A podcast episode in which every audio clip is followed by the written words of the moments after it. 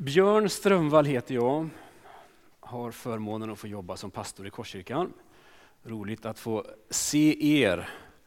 Det var inte många här fem i tio, men nu när man ställer sig så har det fyllt på lite. Så roligt att få se er. Och om inte du känner igen mig så heter jag alltså Björn. Eh, I Korskyrkan så har vi sedan några år tillbaks ringat in några områden, viktiga områden. Det här är viktigt för oss. Vi upplever att det är några saker som, som Gud har lagt på vårat hjärta, våra hjärtan. Det här är områden som, som vi vill hålla högt, som vi vill samlas omkring. Det här vill vi hjälpas åt att både utveckla och bevara. Eh, och under tre söndagar nu i november, idag, nästa vecka och sen då sista söndagen i november, så vill vi ta tag och lyfta fram några av de här områdena. Så nästa söndag så kommer Mattias Josefsson att tala om detta att växa i tro. Vi önskar så att vår gemenskap ska vara en gemenskap där det går att växa i tro och tillit till Gud.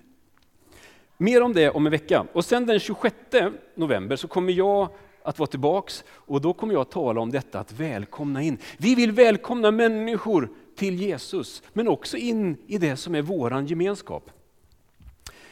Det är fem ringar som ni ser, men vi har bara tre söndagar kvar i november. Så det blir tre områden. Och idag så vill vi zooma in det vi talar, tänker om som nästa generation. I, i vår, våra dokument så har vi formulerat det så här, och jag skulle vilja läsa innan till med er. Så här skriver vi. Vi vill, och det här är vår innerliga önskan, vi vill vara en familjevänlig församling där barn och unga får utrymme och känner sig trygga och älskade. Och vi vill se en ny generation lära känna Jesus och få en personlig tro som bär genom livet. Vi vill vara med och stötta de unga att hitta sina gåvor och komma i funktion i församlingen. Så har vi uttryckt det.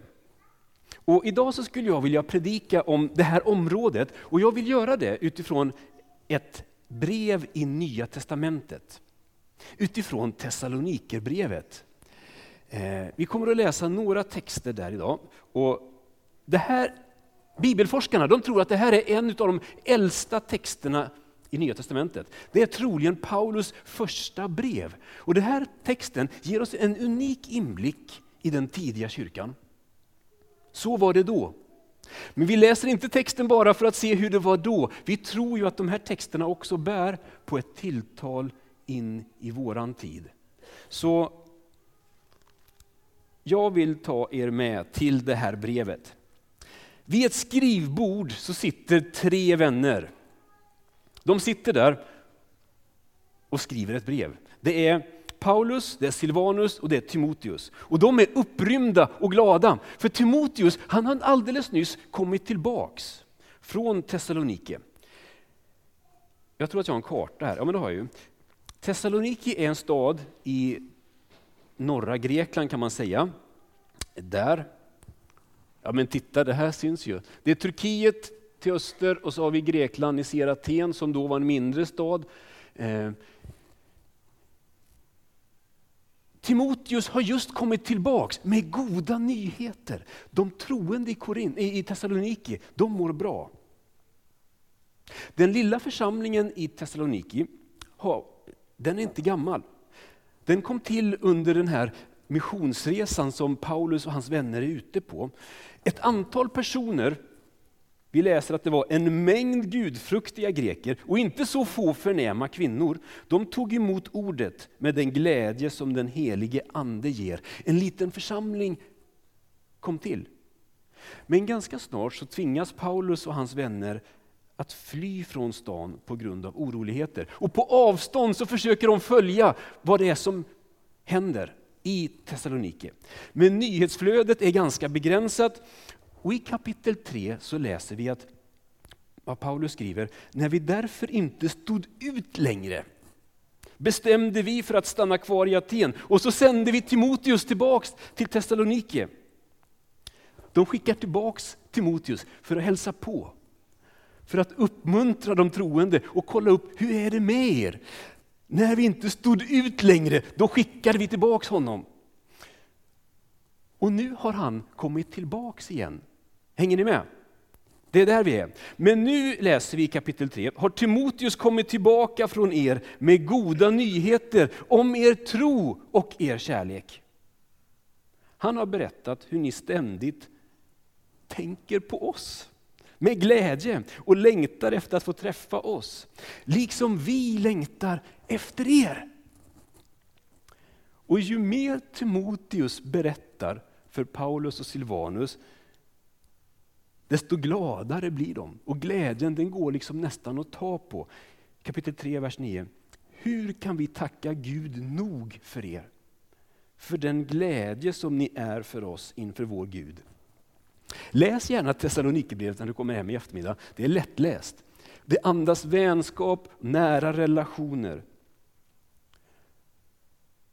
Och Paulus han tänker tillbaks och så skriver han, och nu läser vi det som är dagens predikotexter. Som när en mor sköter om sina barn vill vi i ömhet ge er, inte bara Guds evangelium, utan också våra egna liv. Som en mor. Eftersom ni hade blivit så kära för oss. Och så några rader senare. Ni vet också hur vi förmanade och uppmuntrade var och en av er, som en far sina barn, och vädjade till er att leva ett liv värdigt Gud, som kallar er till sitt rike och sin härlighet. Jag har bara två noteringar som jag vill dela med er den här förmiddagen. I Nya Testamentet så beskrivs den goda ledaren inte som en chef eller en coach, utan med mycket mer familjära termer och ord. En mor, en far. När en människa säger att han eller hon har växt upp i ett bra hem, ett gott hem, då är det ju sällan huset eller möblerna som varit avgörande, eller hur? Det är ju mamma och pappas hjärta som avgör om hemma blir bättre än borta. Det finns människor som har växt upp under ganska fattiga omständigheter och ändå säger att de inte vill byta bort sitt hem för allt i världen. Varför? Jo, men det handlar om, att, om de vuxna som fanns där, om mamma och pappa. De där viktiga personerna som såg mig, uppmuntrade mig att ta steg. Det är ju det som gör att det blir ett bra hem. I en kristen församling Ja, I en kristen församling så tänker jag att det är lite på samma sätt. När en person säger att ja, men jag växte upp i en bra kyrka, i en, en, en fin församling. Men då är det ju sällan man tänker på färgen på gardinerna eller hur mjuka och sköna sofforna är i församlingsvåningen. Det är inte det. Istället handlar det om människorna som fanns där under den där tiden. De där omtänksamma personerna som såg mig och uppmuntrade mig att ta steg. De där som trodde på mig, som räknade med mig, som gav mig mod att våga kliva fram och vara med och bidra med det som jag har. Och till mitt livs rikare erfarenheter så hör jag att jag har fått träffa de där personerna som har vandrat trons väg både längre och mer hängivet än jag och som har bjudit med mig i den vandringen. I en uppväxtvänlig församling så finns det andliga fäder och mödrar. Personer som ser, som bryr sig, som ber för mig. Personer som uppmuntrar och vägleder de yngre. De här personerna behöver inte vara särskilt gamla, tänker jag också. Jag tror att det är både sunt och viktigt att tidigt uppmuntra också unga människor att hjälpa dem som är yngre än de själva. De andliga fäderna och mödrarna i kyrkan är inte bara 75, de kan lika gärna vara 15. Eller kan de vara 7? I en uppväxtvänlig församling finns det inte bara chefer och coacher, det finns andliga mödrar och fäder. Alla finns vi till för varandra. Vem ser du? Vem relaterar du till?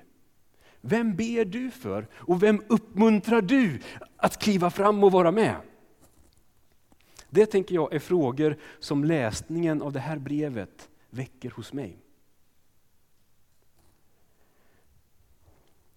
Det andra jag noterar det är att Paulus han förmanar, uppmuntrar och vädjar. Han, han är, åh vad han vill trycka på någonting. Han vill mana till ett liv med Gud. Till att leva. Och Ursäkta nu, nu blir det lite nördigt. Om vi zoomar in det där ordet leva så finner vi ett grekiskt ord som heter peripateo. Och det här kan översättas både med att vandra, to walk, to go, to move about, eller to live, conduct oneself. Alltså det här ordet går att skriva både, översättas både som att leva, men också som att vandra. Vid flera tillfällen i det här brevet så återkommer Paulus och använder det här ordet. Han uppmanar oss att leva med Gud, eller att vandra med Gud. Det är egentligen samma sak. Det här pilgrimsvandringen finns liksom inbäddad i den kristna kyrkan och det budskap som har burit trons folk i alla tider. Vi är på väg. Vi lever med Gud och vi vandrar med Herren. Och Paulus skriver, vi vädjade till er att leva med Gud, eller att vandra med den Gud som kallar er till sig. Ni har fått lära er av oss hur ni ska leva, eller hur ni ska vandra för att behaga Herren. Det finns ett vandringstema i Bibeln och inte minst i Thessalonikerbrevet. Och idag så zoomar vi in det där. Ni vet föräldrar de hjälper sina barn att gå. Om du är förälder så har du varit med om det. Och till min glädje idag så är Jonas Arnlund här. Han ska framföra en sång av Thomas Ledin. Det är inte så ofta som Thomas Ledin står för liksom låtar som vi sjunger. Men Jonas, välkommen och tack för att du med kort varsel tog dig an den här sången som handlar om konsten att gå.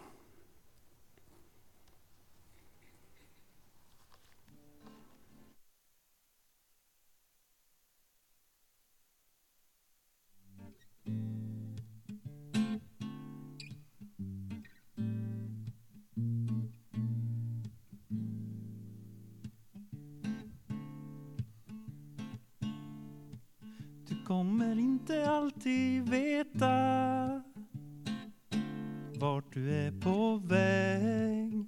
Du måste lita på din känsla, känna det i varje steg. Visst, det kommer att ta tid. Du måste först lära dig att gå. Men för varje vingligt steg du tar finns jag här att lita på.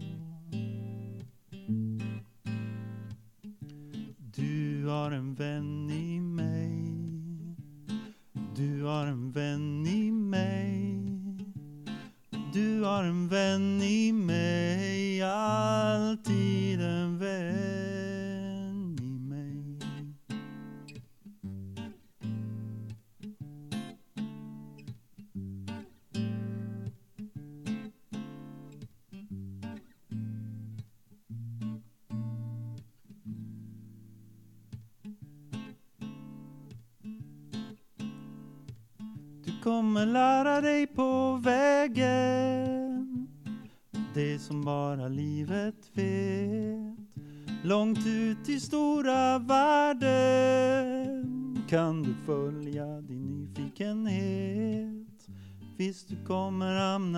fel.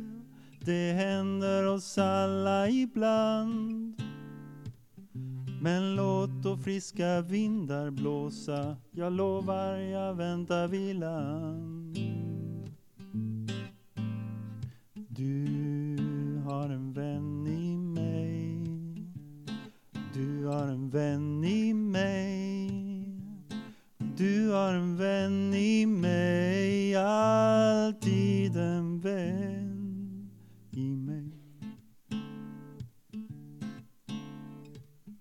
Det är märkligt ändå vilken glädje det är att se på när du tar dina första steg i den ädla konsten att gå. Du har en vän i mig. Du har en vän i mig.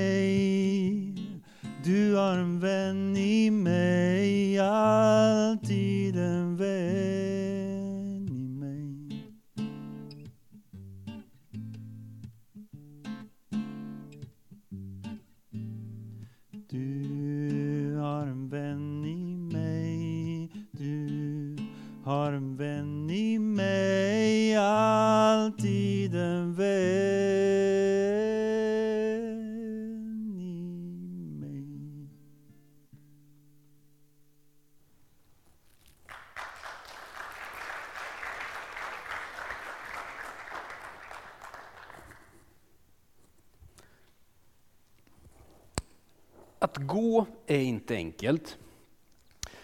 Som många av er här inne vet så har vår yngsta dotter Thea en kromosomavvikelse som komplicerar hennes tillvaro på olika sätt. Eh, inte minst gjorde det att hon hade svårt att gå och faktiskt många barn med hennes diagnos klarar inte av att lära sig det. För att hon är muskelsvag, hon är överrörlig och så har hon problem med koordinationen. Och det där är ingen bra liksom, kombination om man ska lära sig gå. Det tog tid för henne. Det tog många år av träning. Och hela tiden så, så fanns vi där och försökte heja på och uppmuntra. Och plötsligt en dag, när hon var nästan fyra år, så tog hon sina första steg. Plötsligt så lossnade det på något sätt. Och hon tog inte bara ett steg, hon tog fem, tio, femton, hon tog tjugo steg, steg och gick över vardagsrumsgolvet. Och det går ju inte att med ord beskriva den där glädjen när hon tog de där stapplande stegen. Visst, hon vinglade, men hon gick själv. Och jag tror att den där känslan kan många av er minnas och känna ihåg, komma ihåg. En del av oss börjar gå tidigt, andra sent. Mose han var 80 år när Gud ville få honom att ställa sig upp och gå. Gå nu, jag ska själv vara med dig, läser vi. 80 år, han hade fastnat i livet. Det fanns nya steg att ta. Och Gud finns där för att hjälpa honom upp på fötter så att han skulle kunna ta steg med Gud. Bibeln beskriver en Gud som står bakom och stöttar och lyfter. Kom igen Mose, jag står här bakom. Jag stöttar. Gå nu, jag finns där. Gå nu, jag ska själv vara med dig. Som en god förälder så möter vi en Gud som genom Bibeln finns där vid människors sida för att lära oss att leva, lära oss att gå. Han tar oss i handen och för varje vingligt steg vi tar så finns han där att lita på. Visst, det kan hända att du snubblar. Det händer oss alla ibland. Men då finns Gud där.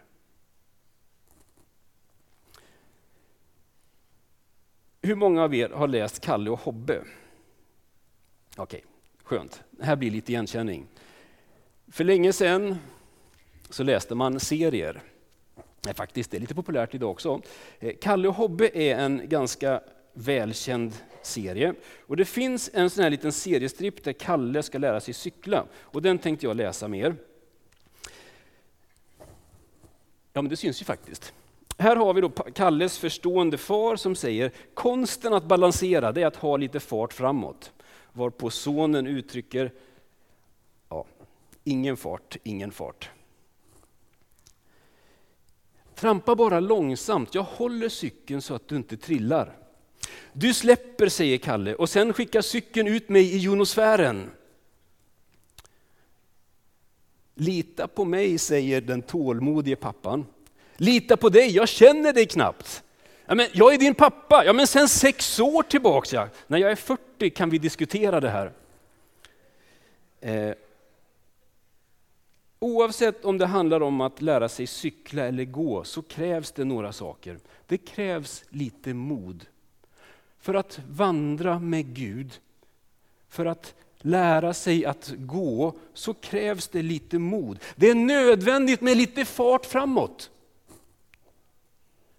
Även om det kan kännas skrämmande. Den som bara står still kommer inte att lära sig varken gå eller cykla, eller åka skidor. Det behövs lite fart framåt och lite mod att faktiskt sätta sig i rörelse.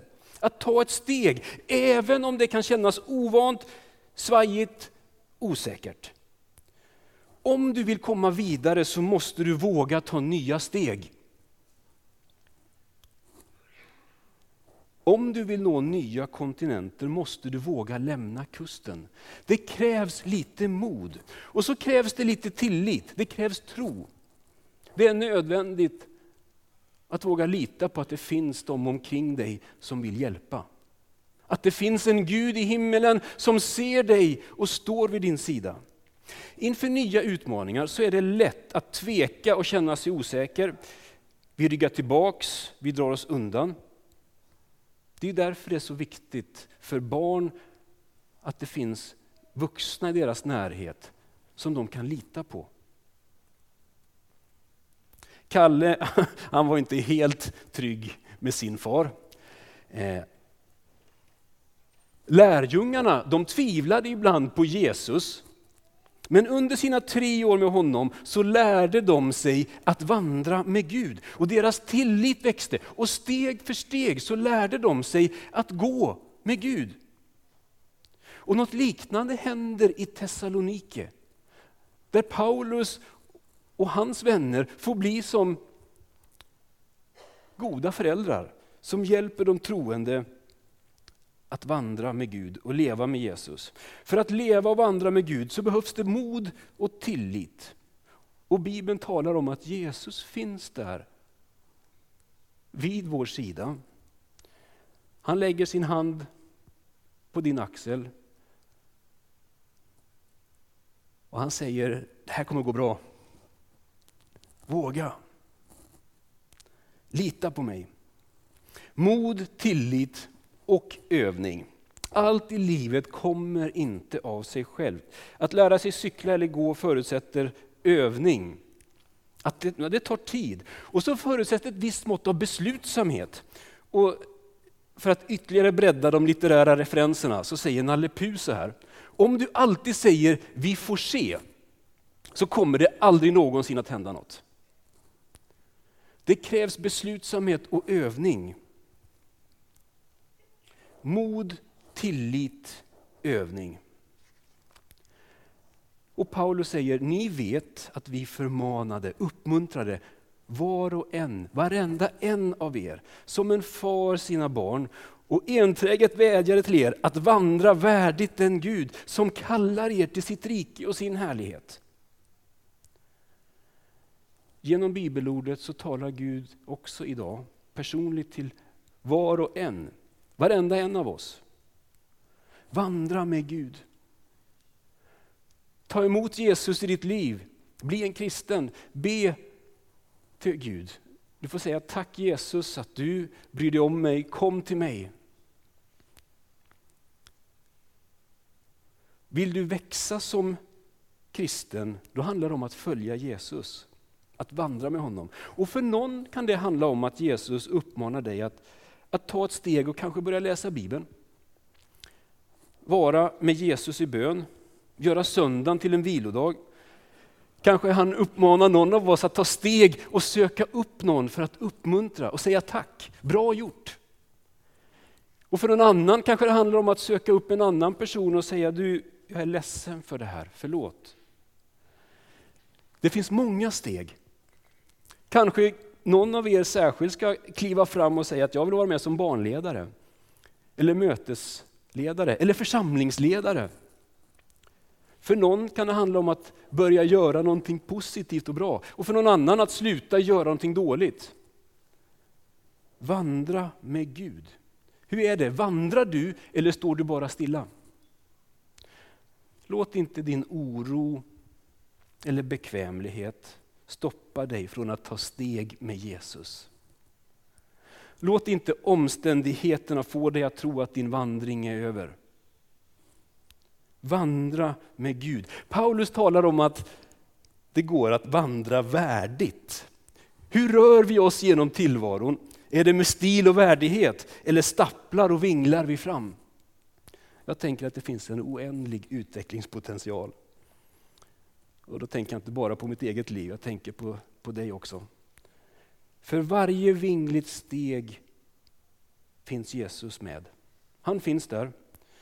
Det kan hända att vi snubblar och hamnar fel, men då finns Jesus Kristus där för att lyfta upp och hjälpa oss på fötter igen. Det är min predikan idag.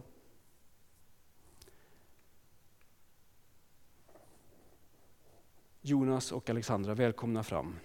Så ska vi få landa i lite musik innan vi sjunger lovsång tillsammans. Och du ska få möjlighet att gensvara och ta ett steg på det sätt som du är bekväm med.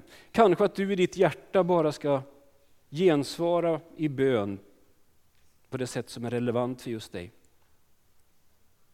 Säga ditt ja, säga ditt tack, säga ditt kom till Jesus. Du får gärna söka dig fram till korset, kanske tända ett ljus i vår ljusbärare. Be. Eller så söker du dig till vår böneplats här nere där det finns förebedjare som gärna ber med dig. Men här och nu så stannar vi upp och låter det som Gud har talat med oss om få sjunka in i våra hjärtan. Och så får vi gensvara. Amen.